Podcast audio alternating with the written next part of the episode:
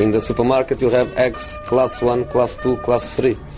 And some are more expensive than others and some give you better omelets. That's the wrong information. Wrong, wrong, wrong information. I didn't say that. That's the wrong information. Do you think I'm an idiot? Wrong, wrong, wrong information. Now look at me when I talk to you. Your job is to tell the truth. That's the wrong information. Sillypodden går in på den sista skälvande veckan utav eh, vinterfönstret 2018. Patrik Bränning, du sitter med mig här som vanligt. Patrik Syk heter jag. Det eh, drar ihop sig. Ja det kan man lugnt säga och det finns mycket roligt kvar. Ja verkligen. I vad som ju måste vara det händelserikaste januarifönstret som jag kan komma ihåg i alla fall. Ja, sen eh, Fernando Torres flög helikopter kanske. Ja, alltså eh, Torres, Carroll, eh, Suarez. Det är svårslaget. Det var, det var ju en bra deadline day. Ja det kan man säga och det får Eh. väl ändå sammanfattat ganska, det, det, det satte väl stämpeln på det januarifönstret ändå. Jo men, men eh, vi har ändå sett liksom det, Coutinho, Alexis Sanchez. Ja Alltså, absolut, herregud. jag undrar ifall inte det här ändå, jag, jag minns ju inte så mycket annat från just det vinterfönstret ska jag ja, det, var det, det var det man tog med sig kan man Ja säga. men jag undrar ifall det, det tror inte hände så jättemycket annat. Nej, det, nej, nej, nej. Gud vad länge vi gjort det här nu, påminns man om när det håller på så här. Ja, verkligen. Um, Aubameyang till Arsenal ser ut att bli nästa stora dynamitvärvning. Ja, allt pekar väl på det. Det det var väl Kicker som var först igår kväll. Sen har vi sett nu hur BBC och eh, den här lokaltidningen i Ruhrområdet, Ruhr Nachringen, eh, Mm. gissar jag bara att det uttalas. Jag har ingen aning om det. Vi tar Eh, den. De har bra koll på Borussia Dortmund i alla fall. Båda de har ju eh, bekräftat, om vi ska kalla det för det, eh, den här nyheten och sagt att allt är klart mellan Dortmund och Arsenal, allt är klart mellan Aubameyang och eh, Arsenal. Det enda som återstår nu är för Dortmund att få in en, en ersättare. Och det har ju pratats om Olivier Giroud. Eh, Mm. BBC skriver att det är fortfarande aktuellt. Däremot så påstår då eh, den här Ruhr-tidningen att det är avskrivet och där får vi väl tro på Ruhr-tidningen för de har väl bättre Mm. ingångar i Dortmund. Eh, och att eh, Giroud eventuellt ska till Chelsea istället. Det lär Mm. väl kanske återkomma till. Ja. Och den de istället tittar på nu är Anthony Modest, eh, gamla Köl- Köln-anfallaren som var, eh, anfallaren, som var väldigt eftertraktad när han sprang till Kina eh, för inte så länge sedan. Så att vi får väl se om de får hem honom. Istället för Aubameyang den, den gången va? Ja så var det va? Mm. Så att eh, han får väl ersätta Aubameyang här också. Det känns som han borde, nu har han väl fått sina pengar, han har gjort sin Carlos TVs resa, den här kor- korta lilla sessionen i Kina, fyllt kassa, kassa i kistan och nu kan ta en sportslig utmaning igen. Mm. Eh, I så fall löser det sig för alla men eh, vi vet ju att sådana här grejer tar ju lite tid och, och Tiden börjar bli knapp. Tiden börjar bli knapp. Det är många dokument som ska fyllas i. Det är många TMS-knappar i Fifa-system som ska tryckas på. Så att eh, det, det kan bli lite spännande framåt deadline day trots allt. Just det. Och det pratas om en prislapp på eh, 63 miljoner euro. Ja, Eller 57 miljoner pund eller något sånt där. Ja, men det de håller på, ja någonstans 600-650 miljoner kronor är väl. Mm. De, där är det också lite olika uppgifter från, från Tyskland och England. Konstigt nog så var det eh, högre summor i England, vilket var konstigt eftersom de är den köpande sidan. Det brukar vara precis tvärtom, att man vill Mm. jobba ner sin siffra om man köper, jobba upp det när man säljer. Men nu var det, nu var det en rakt motsatt. Samtidigt Mm. så vet vi att Dortmund lär väl redovisa den där siffran och då har de väl ingen större intresse av att ljuga heller. Så att, Eh, det kommer de att göra och det, känns ju som att, eh, alltså att, vi, att Aubameyang vill gå. Det, ja, det- du, har, det- du har noterat det. det, det, är ju ingen snack, han har ju velat lämna rätt, rätt länge. Eh, Han har slutat gå på lagmöten helt och fullkomligt. Han verkar inte vara så intresserad av taktiska instruktioner överhuvudtaget och har väl mer eller mindre svikit, svikit hela sin spelartrupp. Så att, eh, Ja. ja. han, han vill bli bort. Det Han kan man vill- väl, han kan man väl, kan man väl ändå dök inte upp på det förhöret angående sprängattentatet mot bussen heller. Nej, det var i- så. Ja. I, idag tror jag. Han var sjukanmält sig. Det är det här det blir så intressant för man pratar om eh, eh, Alltså man vet ju nu, nu, nu får Arsenal-supportrarna vara ledsna att det är de jag kommer klampa på just nu. Det här gäller mer eller mindre alla supportrar till alla, alla klubbar. Eh, Mm. Men det är spännande det här att man skriker efter liksom tro, trohet och liksom att, att spelaren ska känna något för klubben och så fort en spelare lämnar. Man, även- där man däremot värvar en spelare då som mer eller mindre pissar på sin fotbollsklubb nu och på hela sitt yrke och på liksom överger all professionalism. Då är det ändå så här. Mm. Ja, fan kul, Aubameyang kommer, fan det blir bra. Ja, verkligen. Då är det inte värt så mycket. Så att, ja, det, men det gäller som det sagt blev alla ju en, blev en oerhörd kontrast just alltså eh, den här vintern med, med Liverpool och Coutinho och van Dijk. Ja, Som ju var en, eh, identiska situationer i stort sett. Som har verkligen gjort allt för att bråka sig bort och liksom, ja, Ja. pissat på sina klubbar och van Dijk där är det ju bara rimligt att han, klart han vill till Liverpool Absolut. istället för Southampton. Herregud. Det här är ju, eh, men Coutinho han, honom ska vi hata han är en svikare. Ja, nej precis. Nej det, Men det, det är känslor som styr. Så är det. Eh, Jag vet att det går runt en, eh, en nyhetschef här på sporten och, och gnisslar tänder över nästa rykte som då är Giroud ut från Arsenal.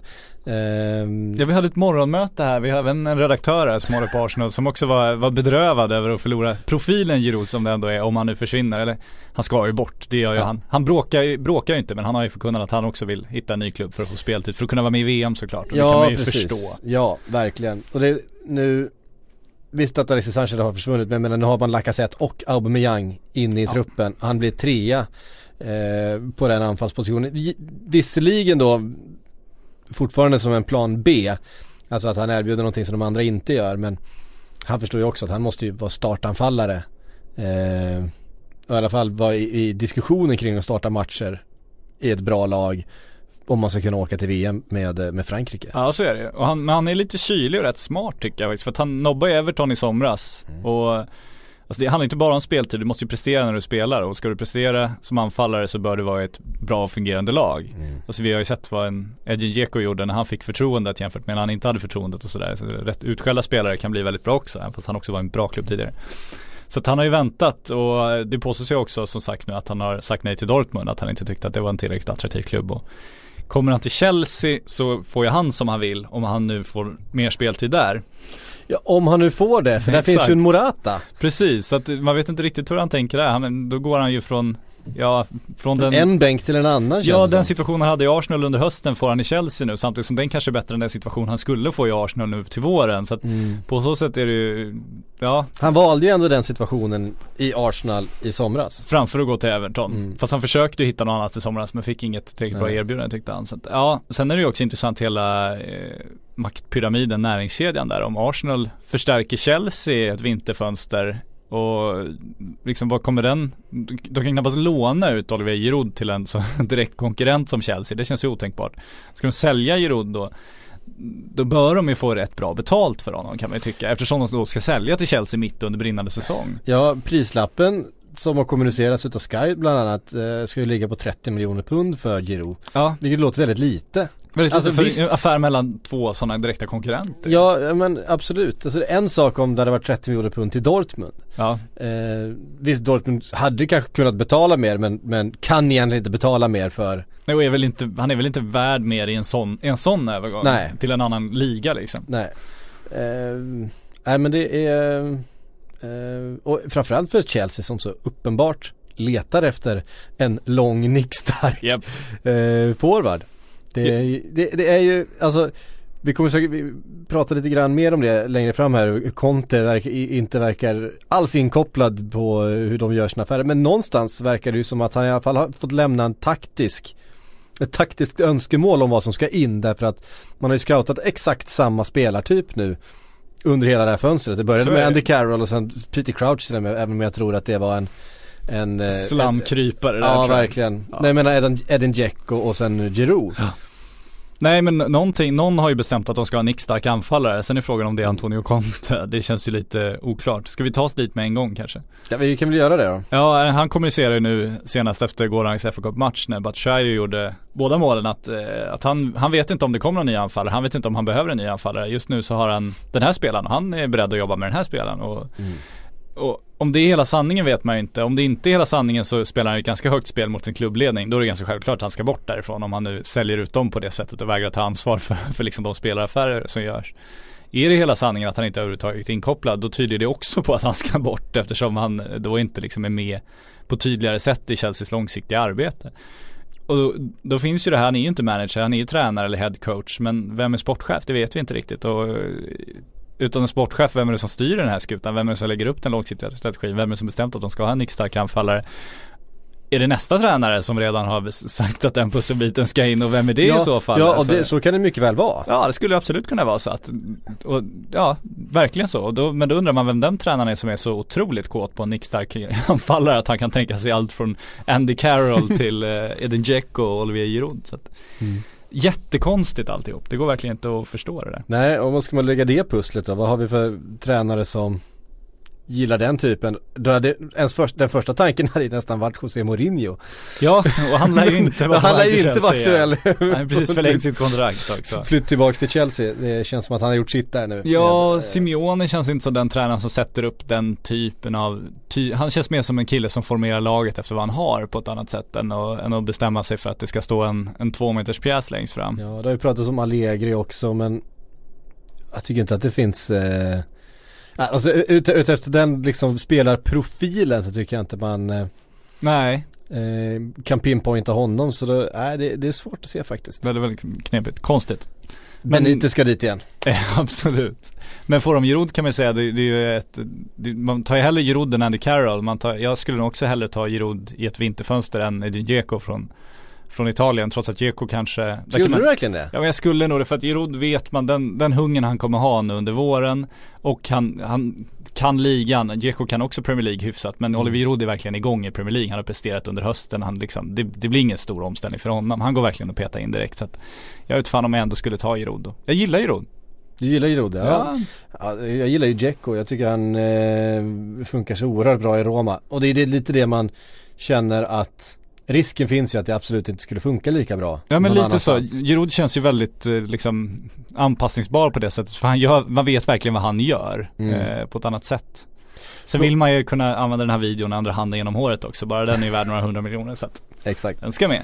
Ehm, så kan han skorpionsparka in i mål. Han kan allt kan han. Ja. Han är lite, det är lite Bentner feeling. Ehm, om vi då fortsätter på ehm, liksom den, den dynamiska ringarna på vattnet. Eh, tydligen så rör vi oss ner till Roma då som då har valt att behålla Dzeko men vi har varit inne på att Roma är i behov av pengar.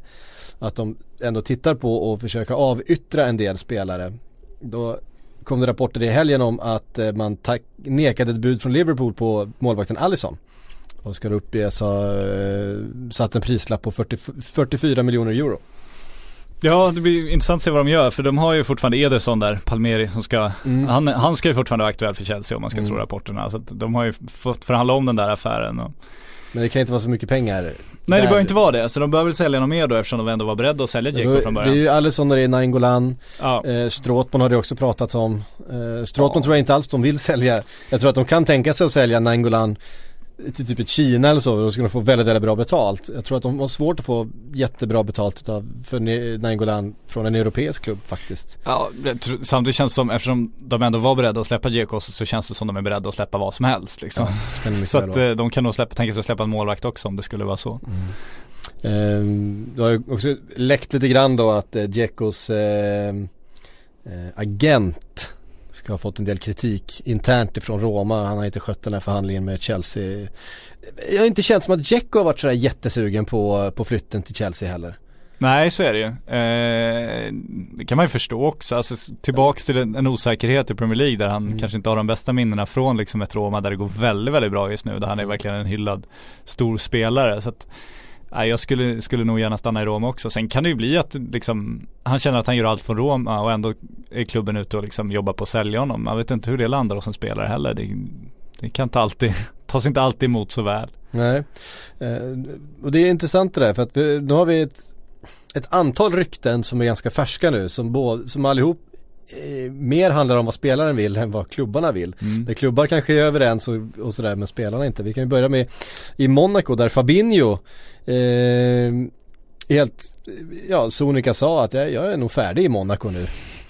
Eh, och Monaco har ju inte velat sälja honom. Han, eh, precis som många andra då efter att ha jagats under sommaren men tvingats kvar. Mm. Han var ju först väldigt nära Manchester United och sen var han ännu närmare PSG mot slutet av fönstret men blev kvar i Monaco. Han ska då ha varit ganska besviken över detta under säsongen och vill nu lämna. Frågan är vart eh, han ska. Det är mest att han själv vill gå eh, som man kunde läsa ut av den där intervjun. Han är att, att han inte har en agent som är ute och fäktar utan att han tar, tar, den där striden själv det är lite anmärkningsvärt. Det är annars det, det brukliga sättet. Du skickar ut din agent i medierna och sen så slipper du själv böterna och så är klubben bara på agenten och så går du upp till ordföranden och säger men jag har ingen aning vad han sysslar med. Eh, den, den har man ju sett några gånger så det är lite anmärkningsvärt att han är så orutinerad att han gör det själv. Men Är det fortfarande PSG tror du som eh, lockar honom? jag vet inte, det känns som hela Monaco, där går man ju och väntar lite på vad, vad riktningen ska vara. Bra. Eh, vi kommer väl återkomma till att de, deras senaste talangvärvning, men de de redan har som ändå etablerat sig och som visat på högsta nivån att de håller där, de kommer ju vilja bort därifrån. Så är det ju. Det, är ju, det är ju, kommer ju aldrig bli Frankrikes första klubb så länge PSG pungar in de pengar de gör och och Monaco har sin frånskilje eh, gödselmiljonär liksom. Miljardär är han väl i alla fall. minst sagt. Jo, verkligen. eh, så att det, det, men det är samma med Lemar och alla de här. Man väntar ju på att de ska försvinna och de kommer ju tvingas sälja av dem där. Så vi får Ja. väl se vilka som hugger i sommar. Ja, alltså det är också i- intressant med FFP. Du har ju tre år Mm. eh, på dig att balansera böckerna. Det är klart, du kan ju ha en Neymar i ett, en eller två säsonger och sälja honom och få tillbaka samma pengar. Du har haft den spelaren ett par år och du har kommit undan FFP. Ja, samtidigt så är det jävla bra hyra för Neymar och köra den typen av affärer och jag vet inte riktigt om, om det, Nej det men alltså pengar är inte något problem utan regeln bara är ett problem. Ja abs- absolut men du, du förlorar ändå Neymar sen så ska han ersättas då får du liksom det, det kommer ju kosta rätt mycket att ersätta honom då får du se till att balansera böckerna mot den summan eller ska du, ska du ligga lågt ett par säsonger liksom och, och vänta ut det där igen så att jag vet inte riktigt om det är en hållbar strategi. Nej. Jag gillar att du försöker tänja på reglerna. Nej det var bara något som dök upp i huvudet på Ja, mig nu. jag tror tyvärr de har ännu skarpare strateger än vad du och jag är. Ehm, rent dynamiskt då så stannar vi väl på Monaco-spåret och, och planera för framtiden eh, och investera. Nämligen eh, supertalangen Pietro Pel- Pellegri eh, väljer att lämna Genoa. Eh, och nu pratar vi verkligen supertalang, han är 16. Han är 16 år, han är nästan två meter lång så man tänkte ju ett tag där att det är liksom Det är klart att han är lika bra som sina, eller bättre än sina jämnåriga människor eftersom han är så mycket bättre fysiskt än dem. Han är Mm. väldigt välutvecklad, har Zlatan som idol, som av en händelse. Eh, har inte gjort så, spelat speciellt mycket seniorfotboll. Nej, han har gjort nio matcher och sånt där va? Jag tror det enligt någon statistik jag kunde Ja. googla fram. Jag har aldrig sett honom spela själv men han gjorde tydligen mål i Tottis eh, avskedsmatch. Gjorde första mål efter tre minuter där, kommer igenom på dju- i djupled och var rätt stark mot sin försvarare och avsluta snyggt. Serie A's yngsta debutant genom alla tider också. Den första att göra två mål i en match, inte den första att göra ett mål i en match. Det var han nummer tre på listan tror jag. All right. Men Eh, super, jag vill super se. talang. Han Mm. redan 2015 så ville Manchester United bjuda in honom, de fick nej. Eh, Roma har en gång erbjudit Marco Borriello i, ut, i utbyte mot honom, säger en del. Borriello, han har varit sån make-weight i så så många det. sammanhang. Men den är ändå snygg att bli utbytt mot en 15-åring då, eller vad han var, vid det laget. Eh, vi vet också att Inter var förra sommaren överens om att köpa honom från Genoa. För ja, 690 miljoner. Det var otroliga pengar och en Mm. annan talang då. Men sen så styrde de kinesiska myndigheterna om sina, sina regler kring det här med fotbollsinvesteringar och annat. Eh, det gällde även utlandet då för den här Soning Group. Så att de blev lite nojiga då och tackade nej till det där. Milan har försökt fått nej, Juventus har försökt fått nej. Och det får väl bero delvis på att hans farsa Marco då är liksom en enorm Genova-supporter och har sagt att hans, hans största dröm är att få se sin son spela en match för Genova på hemmaplan. Det, liksom, det har varit, då kan han dö som en lycklig man. Det har han gjort. Det har han gjort nu. Så nu kan han ju lämna. Och då, eh, då drar han till Monaco för ja, 245 miljoner kronor. För en 16-åring med nio A-lagsmatcher i Ja, och det är ju helt, Bagaget. helt sinnessjukt det är det. Samtidigt som jag tror, jag ska skriva om det här, vi håller på med det just nu. Eh, Vi hoppas publicera det i, idag eller imorgon. Jag tror att det liksom, det här, jag tror inte att det är ett undantag utan jag tror snarare liksom symptomatiskt för tiden och vad fotbollen är på väg. För vi såg redan förra sommaren hur, hur Real Madrid köpte den här Vinicius Junior, eh, brassen. För nästan en, en halv miljard kronor. Och han var 17 år vid tillfället, kommer inte få flytta till Spanien förrän när han fyller 18 den här sommaren. Och ändå betalar de så mycket pengar för en spelare de inte kommer kunna använda så. Man vet Nej. inte Monaco när de kommer kunna kasta in Pellegri liksom och bli ordinarie A-lagsman. Det vet ingen heller. Men vi har ju sett hur Manchester City, Ferran Soriano varit ute och sagt att ja, men vi, vi får styra om verksamheten nu för det går inte, man kan inte satsa på stjärnköp längre utan nu handlar det om att utveckla egna spelare och köpa talanger tidigt. Bayern München har sagt samma sak den här, eh, den här hösten. De förstärkte sin ungdomsscouting-organisation. De köpte en 16-åring för Werder Bremen och de har sagt att nu, nu ska vi också satsa på egna talanger, några få stjärnköp och mycket fler inköpta talanger.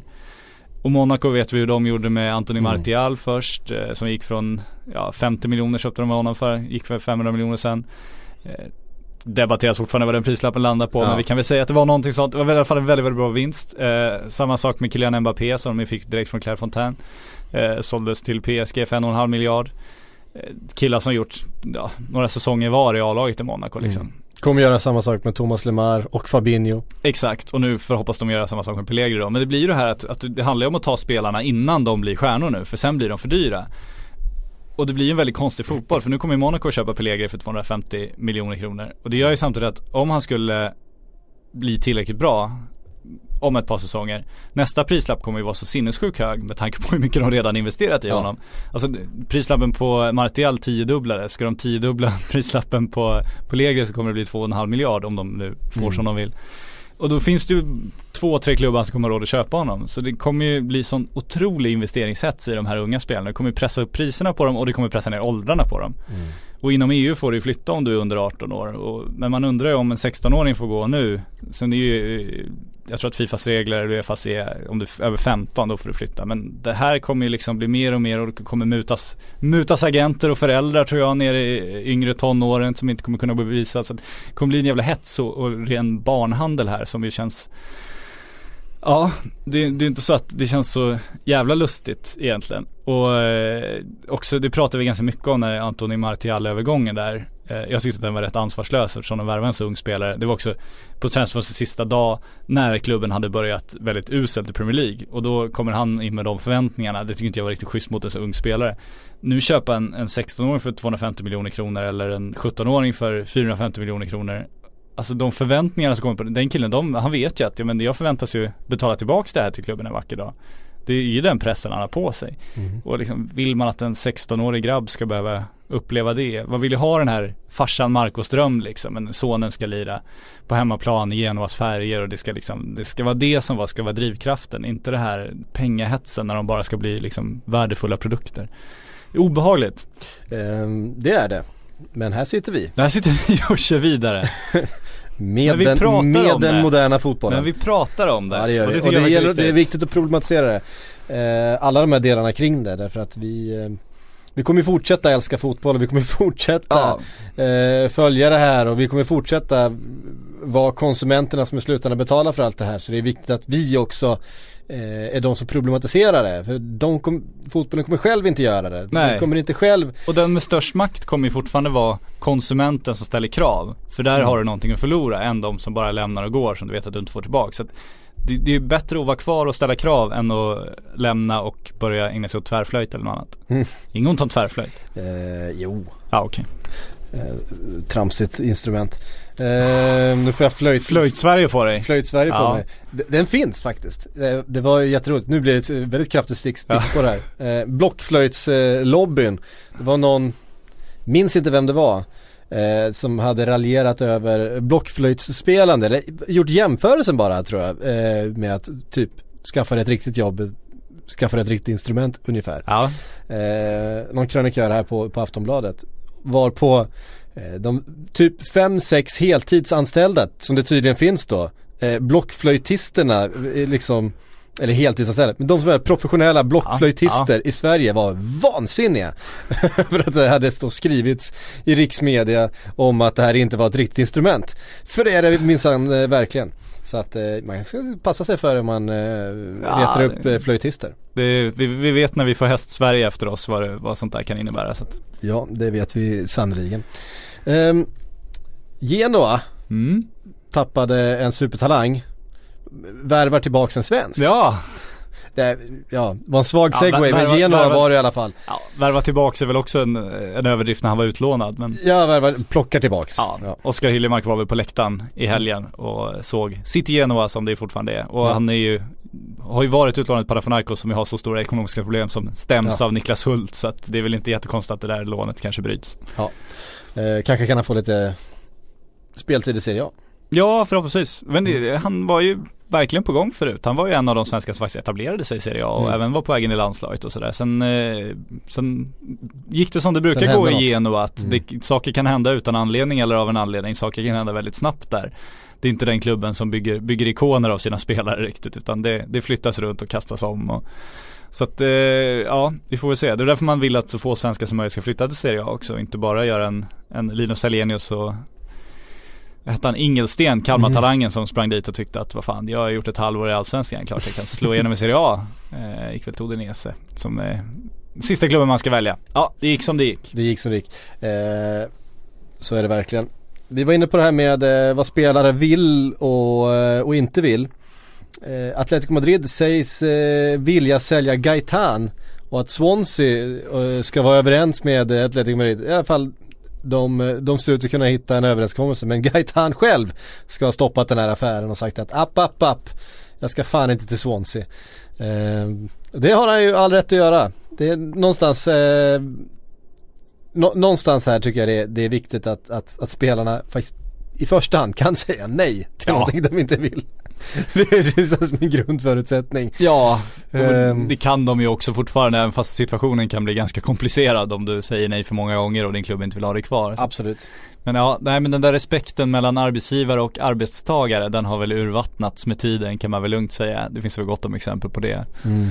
Eh, vilket ju är lite, lite ledsamt. Lite problematiskt i sig. Ja det också. Ehm, och jämfört då, vi har en annan situation, det är Delofeu i, i Barcelona. Barcelona vill egentligen bara bli av med honom. Ja. Eh, och nu verkar Watford ha fått upp ögonen för honom men han verkar inte speciellt sugen på Watford. Han vill ju till Inter eller också pratats om, eh, om eh, Napoli för hans del. Ja, eller- Jag kan ju tänka mig att Watford kan betala mer till eh, Ja, till varför skulle Barca. han inte till Watford? Jag vet inte om man ska avskriva det så, så omedelbart heller. Han eh, har gjort en, en, en bra session i Premier League tidigare, eller började på en bra session Om man ska tro Guillaume Bel- Belage. Ja, vilket man väl inte ska göra alltid. Inte alltid nej. Eh, däremot så tror jag, det känns som att han har hyfsade ingångar i just Barcelona faktiskt. Ja, det är lite tveksam där också. Ja, eh, vi får, ja, vi en, brasklappa lite för det. Men i alla fall så, så eh, verkar det som att för Barcelonas del så kan de tänka sig utlåning, försäljning, Ja, alltså. Eh, och han fick ju sin jätte, alltså en osannolik chans i Barcelona när Neymar såldes och Dembélé gick sönder sen. Det fanns ju verkligen en öppning om man, om såg man ju skulle lovande lyckas ut ta i början chansen. där kändes det som. Ja. Sen blev det inget bra alls. Nej, och det var väl mer en, en dröm än en verklighet att han skulle bli en liksom etablerad Barcelona-spelare. De, de hade, hoppades ju länge på det. Eh, den här La Masia eh, propagandan ska ju kunna fortsätta men det Mm. gjorde det inte. Nej. Eh, vi får se vad som händer där med, med Napoli som sagt. Eh, jag förstår också, jag hade också velat spela för Sarri. Eh, det verkar roligt. Ja absolut. Eh, eh, eh, eh. Baba Rahman trodde man ju en del på när han kom till Chelsea för ett par säsonger sedan. Det här var det var länge sedan man hörde det namnet känner jag. Ja, eller hur? Ja, han har ju Han kom ju ändå med hopp om speltid. Ja. De flesta trodde nog att han skulle få spela en del. Eh, nu är man mest förvånad över att han ens tillhör Chelsea fortfarande. Har varit utlånad till Schalke och nu verkar det som att Schalke vill göra den här eh, dealen permanent. Eh, ja, jag vet inte hur mycket vi ska säga om det men det är väl också en del av Chelseas liksom, även många Premier League-klubbars strategi det här att alltså han, han fick ju speltid i Chelsea först, han värvades ju som en A-lagsspelare men de har inget problem med att låna ut spelare för att, för att liksom få någon marknadsvärde på dem och sen sälja av dem för att få tillbaka så mycket pengar som möjligt. Det, det ingår ju någonstans i verksamheten nu för tiden. Mm, mm, mm. Andra hållet om vi tittar på länder från Tyskland till England eh, så har det kommit eh, lite röster som viskar om att Arturo Vidal kan eh, vara på väg till eh, Manchester United. Det ryktas här om att eh, Bayern München liksom ser sin chans nu att casha in lite pengar på Vidal för att de inte får någonting. Och för hans marknadsvärde ändå är hyfsat och han har liksom lite tid kvar på kontraktet. Ehm, Ja det var väl rätt trovärdiga källor på det från början tror jag och det pratas väl om i, sommar då att de förklarat att han kan vara till salu. med tanke på att Goretzka kommer in Ja. ehm, i sommar på den positionen. Ja det är väl också, det kan ju vara schysst mot Vidal också om man, om man känner att nej, men det går Goretzka vi ska satsa på att eh, ja, men nu, du, du, du får vara kvar men om du hittar ett nytt, eh, ett nytt erbjudande som vi också kan acceptera så, eh, så är vi beredda att sälja det. Det känns ju snarare som någonting snällt än någonting, någonting negativt egentligen för honom. Ja, ehm, och varför inte Manchester United? Jag tror att det är en spelare som eh, Mourinho gillar. Det en, Ja det lär det vara. Det är väl det lynnet, kynnet eh, Mourinho uppskattar så att ja varför inte. Han ska väl värva alla chilenare nu. Alla chilenare och sen de här defensiva mittfältarna har han väl länge, länge tittat på man, man önskar ju någonstans att han ska hitta ett centralt mittfält som inte behöver in, involvera Paul Pogba för att man vill Mm. ju se honom högre upp i planen. Det är ju där han verkligen kan göra skillnad. Han är ju en av, absolut en av världens bästa centrala mittfältare också men man vill ju ha honom i Man vill, kreatörspositionen ha, där längre fram. man vill att han ska ha den fria rollen. Ja exakt och det, Det finns inte så jättemånga fria roller på ett eh, Mourinho, i, på en Mourinho spelplan. Nej. D- Där är det väldigt tydliga instruktioner, framförallt defensivt. Men, men vi har ju sett Hazard till exempel och vi har sett andra spelare att den som har den största individuella kvaliteten får ofta ganska mycket eh, frihet offensivt. Och då är det ju istället det som är den offensiva planen. Att du ska ge Ja. din bästa spelare den friheten den behöver för att kunna avgöra matcher. Sen ska, inte resten men, men sen ska systemet se till att du släpper in så lite mål att, att det ska räcka liksom. Ja, och man såg väl det. Förenklat kan man väl säga att det är väl Ja, men så ganska men, mycket hans filosofi. Men Chelsea igår när eh, liksom det var, hela spelplanen och det de gjorde mål på var liksom, men Pedro får bollen först och sen direkt till Hazard så fort som möjligt i alla kontringar. Och Mm. sen så gjorde han en gubbe, öppnade upp planen och så blev det ganska enkla mål. Så det, det är ganska tydligt det där. Eh, Zlatan då? Ja, Zlatan är intressant. Zlatan är intressant igen. För att eh, nu har det kommit uppgifter då som E ESPN ska ha fått om att han är väldigt nära Los Angeles Galaxy. Ja, och det, det, drogs väldigt snabba slutsatser här för att det var ju en eh, amerikansk journalist då på E ISBN eh, som twittrade om det här och själv drog slutsatsen att nu är det så nära så att jag tror att det här kommer bli klart. Så att han har inte källor på att det kommer bli klart utan han Nej, gör liksom en, en, en egen bedömning av liksom eh, hur långt klubbarna då påstår sig enligt hans källor har kommit i förhandlingarna och sådär. Och vi har ju väntat på USA-affären det har vi gjort, alltså det, det, det är ju den här ska han avsluta på topp, eh, vilket han ju vill, har han ju sagt. Eh, samtidigt kommer han kunna avsluta på topp nu i Manchester United. Om han skulle fälla in åren nu, det, det är ju ingen som kommer tycka att han avslutar på topp på då sätt. Då ska han ju komma in, spela en avgörande roll och avgöra ligan i så fall. Och kommer han, ser han den möjligheten? Jag vet inte. Vad kan han göra i? USA? Ja, vad kan han göra i USA? Det är ju det där filmkontraktet eh, som vi väntar på. Att boken ska bli film och det känns som det finns någon slags planer för det ändå, i alla fall en förhoppning. Det tror jag verkligen. Och han är ju desperat behov av att förstärka sitt varumärke nu. Så är det ju. Man, se, man ser ju hur det falnat. Man ser att den liksom dragningskraften inte är lika stark. Man upplever det när vi skriver om Zlatan här. Man upplever det hur det pratas om Zlatan internationellt. Jag tycker man upplever det om man tittar på eh, ja, men hur, hur hans klädmärke lanseras nu, vart det börjar säljas nu, hur den typen av filmerna ser ut. Vi, att det, det är noll genomslag för de filmerna. Det är liksom ingen som egentligen pratar om dem, det är ingen som diskuterar dem. Eh, de har tagits emot ganska kallt och kyligt. Så han är ju verkligen i behov av att, liksom få, få det här Zlatan Ink och explodera en gång till. Om inte det ska börja svalna. För det känns verkligen som det svalnar. Man trodde inte att det var möjligt att det skulle gå så fort men Nej det har gått väldigt fort verkligen. väldigt fort. Och eh, Los Angeles Galaxy skulle ju in, så, alltså, så fort man egentligen insåg att nej, men det här knät är ju inte helt eh, helt färdigt och hans kropp är inte han är ju inte det här, det här fysiska undantaget som eh, det kommunicerades kring att han skulle vara. Utan eh, fan han är nog rätt sargad utav den här rehabperioden och den 36-åriga kroppen kommer nog aldrig tillbaks på sin högsta nivå igen. Eh, när det blev rätt uppenbart så kändes det som att fotbollsvärlden gick vidare lite grann. Ja men lite så, och väldigt fort. Och det är sorgligt på alla sätt och vis för att Mm. man kan tycka att det förtjänar en annan avslutning och serie. Men samtidigt tycker jag om att han, om han skulle bli människa igen. För jag funderar ganska mycket kring det här, vad, just efter, efter att han kom med den här kritiken att liksom svenska medier då inte behandlar honom, de hyllar honom till, inte tillräckligt mycket utan letar alltid efter liksom det Mm. negativa. Och han blir väldigt hyllad i början. Samtidigt också kritiserad vet man för att han, ska, han skapar ju känslor. Men hans resa var ju fascinerande för han var så mänsklig liksom. Han var den här killen som kom underifrån, slog igenom i Rosengård, Malmö FF. Jag behöver inte dra den liksom. Men verkligen liksom kom underifrån, slog sig fram och tog sig till toppen. Men när han väl hamnade på toppen så har han ju förvandlats till någon slags envåldshärskartyp liksom. Han är lejonet, han är liksom oövervinnerlig och, och där har ju också människan och det mänskliga försvunnit och då tycker jag att man har tappat liksom det man gillade med honom på många sätt. För att det, det är så svårt att känna med en kille som presenterar sig själv som oövervinnerlig. Alltså var, varför ska jag heja på honom? Han är ju redan där, han är redan klar. Vad finns det där och, och känna mig? Varför inte Ja, han behöver inte mitt, han med? behöver inte mitt försvar. Nej och jag kan inte identifiera mig i honom liksom och sådär.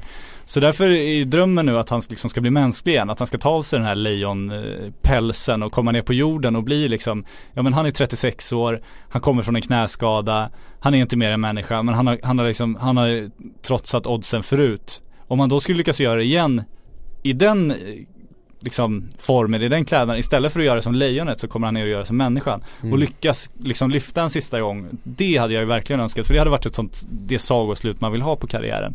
Inte det här liksom lejonet som står på toppen och vägrar inse att det här håller liksom inte riktigt längre. Nej. Eh, det är intressant.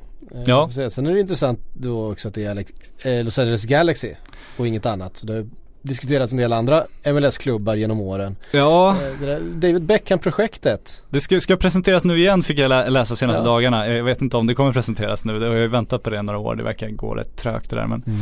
Men ska det bli film så är väl Los Angeles Galaxy eh, stället du ska till. Film ska det bli. Film ska det bli, det tror jag, tror man ju också. Om det är tillräckligt hett fortfarande marknadsmässigt, vilket det är Han hade behövt filmen av eh, marknadsföringsskäl om inte annat nu. Ja.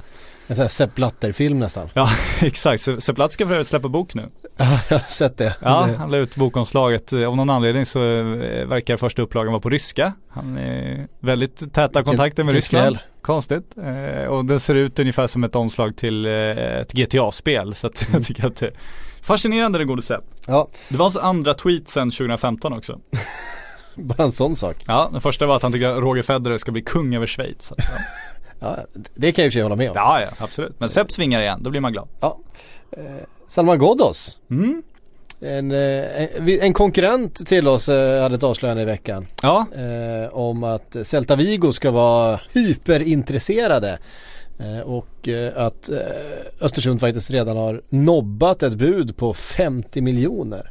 Vilket är eh, mycket pengar för ett Östersund. så är det. så. Och för en Saman Ghoddos eh, också får man ju säga. Sen det var ju lite kul den där artikeln för att eh, enligt källor och sådär. Och sen så Mm. uttalar sig agenten i texten då är starkt kritisk till att klubben har nobbat det här budet. Och det, så Mm. ja, det, var, det var en ganska grov placering av agenterna där för att sätta press på klubben och, och försöka få loss Saman Ghoddos. Det var inte svårt att lägga det pusslet om man säger Nej. så.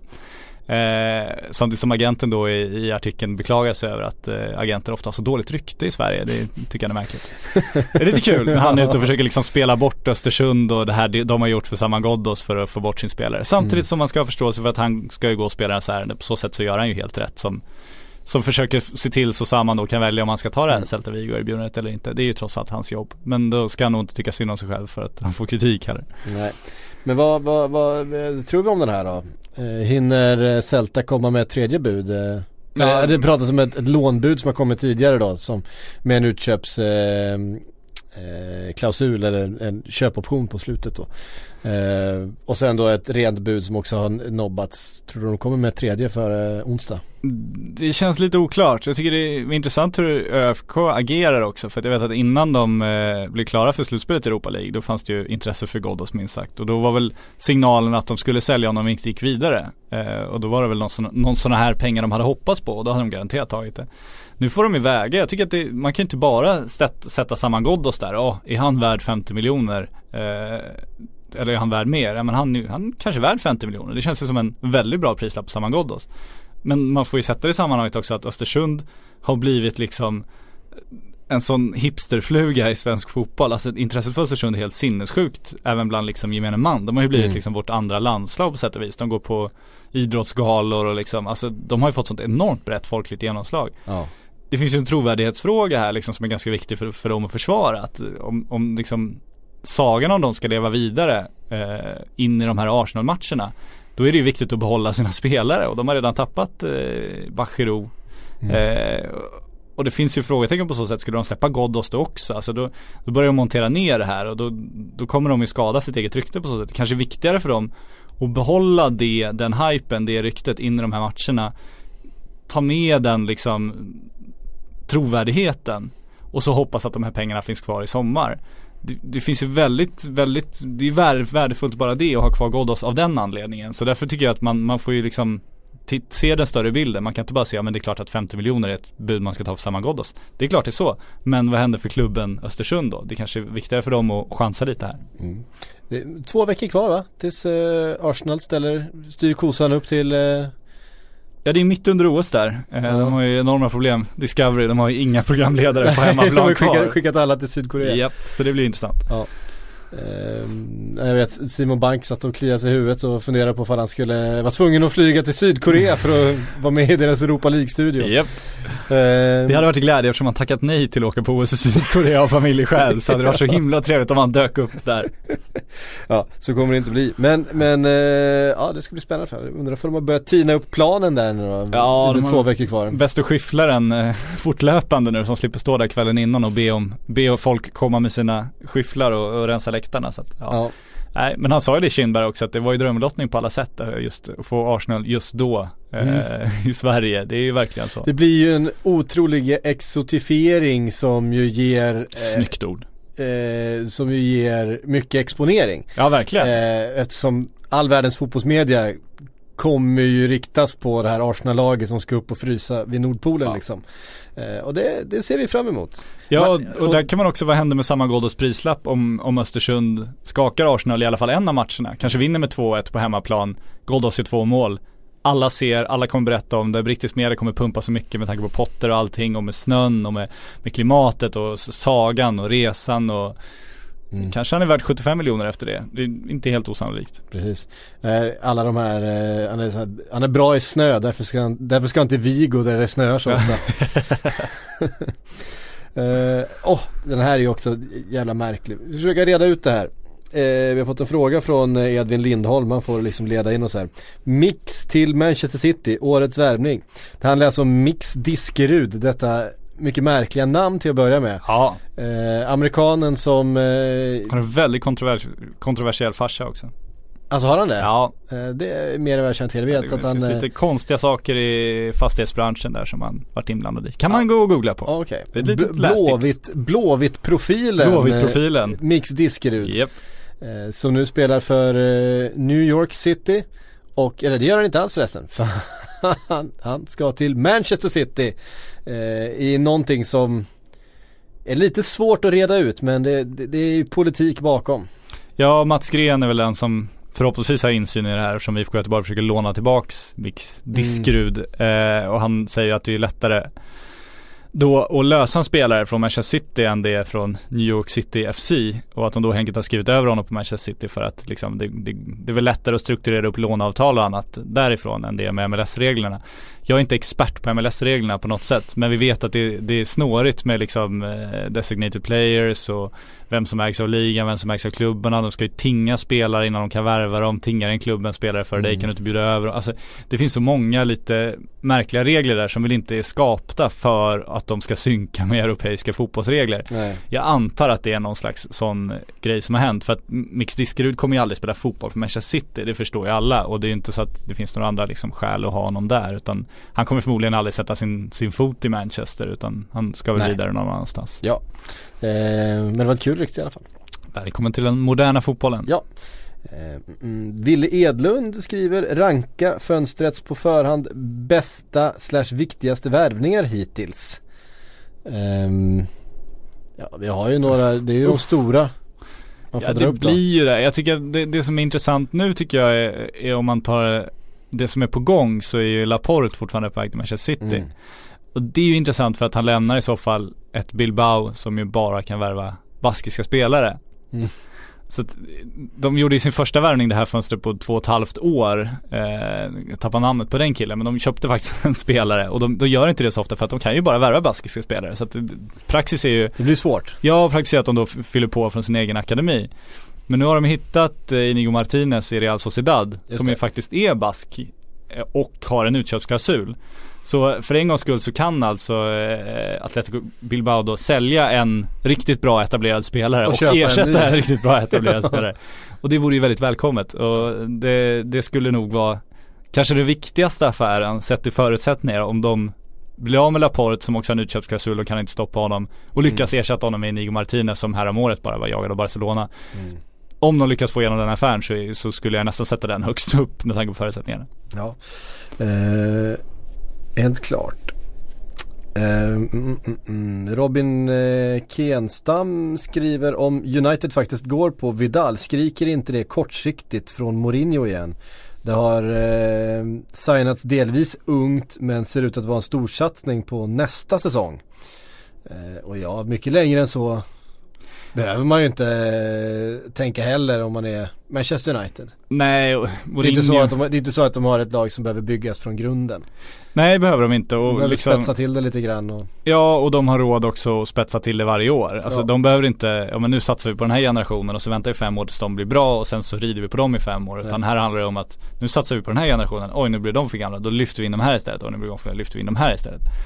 Och José Mourinho är ju ingen ingen klubbbyggare, för att använda den slitna klyschan direkt. Han är inte där för att bli nya Sir Alex Ferguson, den gamla eh, som du pratade om förut, det var ju det han hoppades på Chelsea andra stinten. Mm. Och det kändes ju som han blev rätt bränd där och insett att det, det går inte att göra det Nej. i dagens fotboll. Det är ju mer eller mindre omöjligt. Så han är där för att behålla sitt jobb varje år, det är hans jobb. Eh, och då måste han vinna titlar och därför kommer han alltid, så länge han är kvar där, satsa kortsiktigt. Det kommer aldrig finnas en långsiktig tanke. Han kommer inte ge Marcus Rashford överdrivet många chanser på bekostnad av eh, Alexis Sanchez eh, om det innebär att Manchester United kommer förlora poäng. Han kommer bara ge Marcus Rashford chanser om det innebär att, att det går att göra det trots att Manchester United inte förlorar poäng. Mm. För att han är ju i en situation där han inte kan göra något annat. Han kan ju inte luta sig tillbaka och säga, men jag har ett femårskontrakt som kommer hedras av klubben utan han vet ju att det handlar om resultat bara. Ja. Ehm, Ville på Twitter också vill gärna höra era tankar om West Hams underbara spelarpresentation.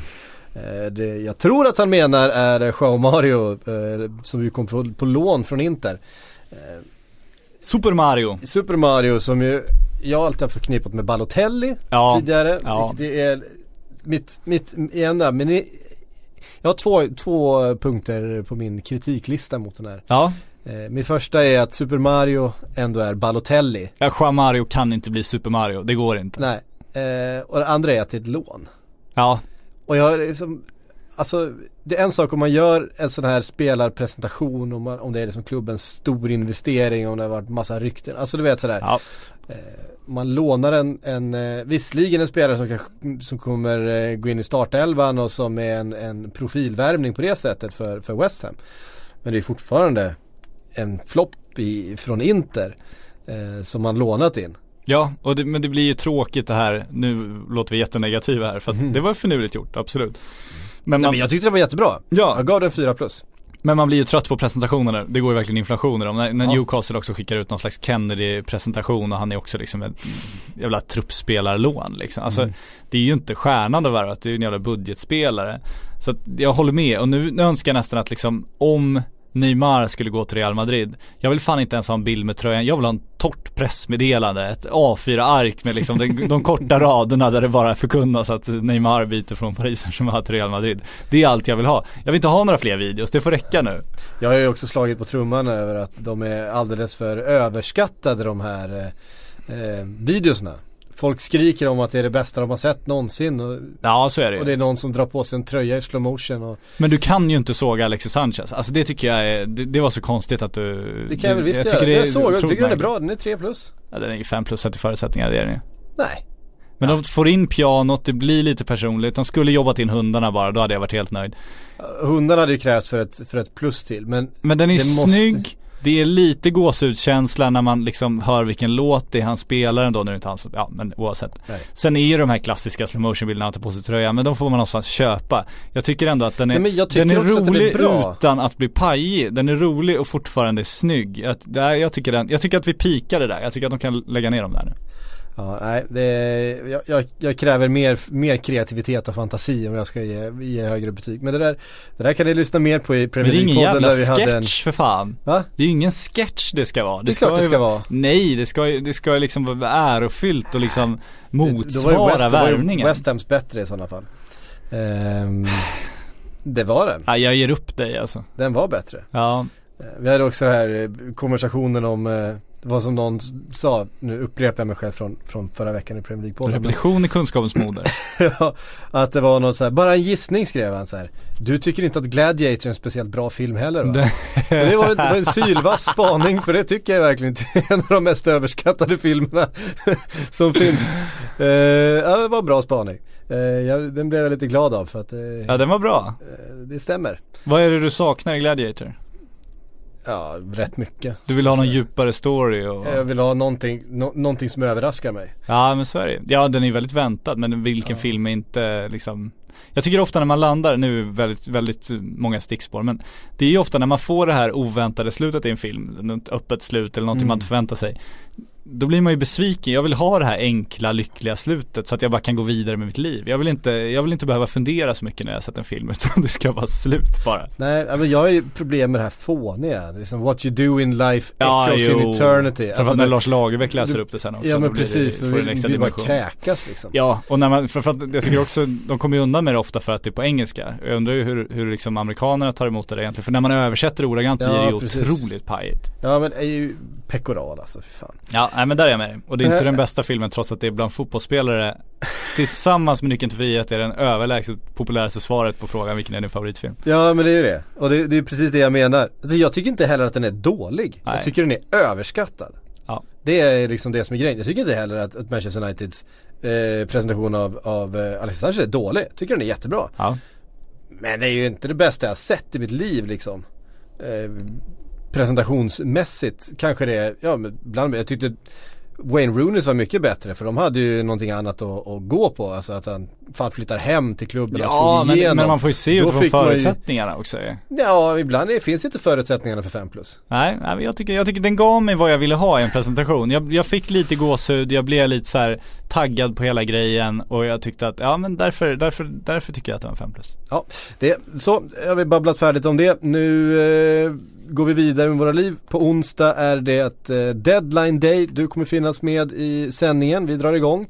Eh, vid sextiden börjar tv-sändningen men liven kör ju under hela dagen. Det kommer komma eh, tv-klipp före det så vi kommer spela in en podd på morgonen där också som eh, ni kommer hinna lyssna på. Så det, det, det går att leva deadline day från tidig morgon till sent på natten Härligt. eh, hos oss på Sportbladet. Jag ser fram emot eh, onsdag, det ska bli kul. Jag tror det kommer hända grejer också. Fan vi har ju Giroud kvar och Aubameyang ska in och Laporte. Ja, Lapo, ja det, fan, det, är, det är, och det kommer säkert dyka upp något annat också. Ja man hoppas ju, man vill ju att Chelsea liksom ska gå bet på Giroud också så att de ska, så liksom alla anfallare över 1,90 blir högaktuella för Chelsea på deadline day. Det hade varit otroligt spännande. De har någon sån här Gröna Lund-grej liksom, du måste vara så här lång för att komma igenom liksom. Och sånt vill jag ju ha.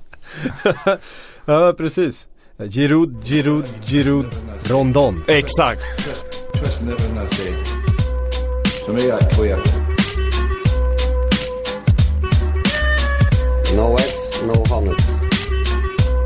when we clear.